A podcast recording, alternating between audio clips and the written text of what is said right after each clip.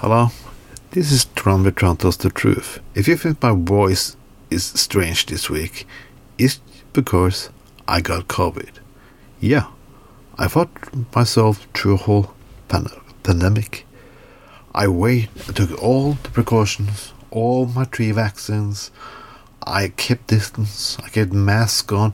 I even worked at the ER for over six months, and now I've been working in healthcare ever since. But not even me can get away with it. I have COVID. For the last few days, I felt like shit. But I think I will feel more shit if I haven't taken the vaccine at all. I tried to keep update, take vitamin D and so on. So I have problems reading, but I still have some anger in me. Because people are still not getting vaccinated, and people all around the world will now see a new war in Europe. Last time America was in Europe, or, well, they always been here, but the last time they were in a war in Europe was in 1945.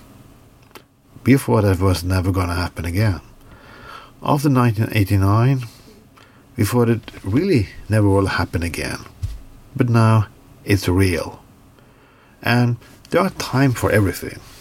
There are time to criticize the United States for fucking up in South America, fucking up in Iraq, fucking up Afghanistan. You can say they have America, United States have double standards when it comes to uh, human rights, since they trade with China and kiss ass in every regime in the Middle East. But today I'm gonna state that point that I said so many times before. Sometimes you have to put your self interest before what's morally right. Because we're gonna get attacked in Europe. There's gonna be a new war, and it costs a lot of human lives. And the only one we can depend on at this time is the United States. You can always call Europe cowards and so on, but every nation that wants point dance with the devil and see after their self interests. Always. If you think that is new, if you think you, you as a government do something new, you are fucking really mistaken. We can also say oh, Ukraine that there are a lot of groups there is far to the right and they don't have a glorious history themselves on many issues, but that is not the fact now. People are going to war in the Ukraine and this gonna look extremely fucking bad.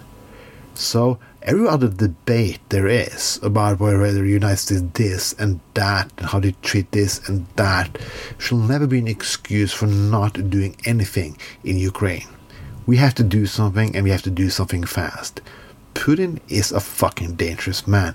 It's always funny how people far to the right think Putin is a good man. Well, I can understand. He has given the church the right to bash gays and women and be a dictator and, and so on. He's speaking on his family values. It's something he knows. Even had, even had he been divorced, had several wives and lovers, mistress or lovers, I don't know. But anyway, they seem to love him. He was a former KGB agent.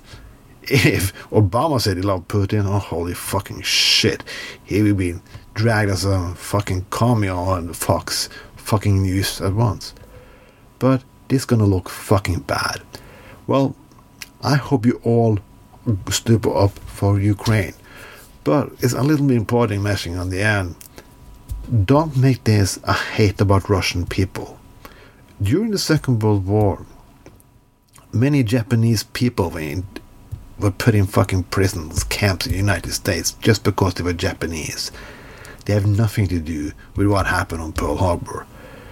Don't let that happen to any fucking Russians fucking living in the United States or anywhere else. Never. Let's show that we are better than that. This was Tron with Tron Tells the Truth. This was all I can do. My voice can't take it anymore. Have a nice day.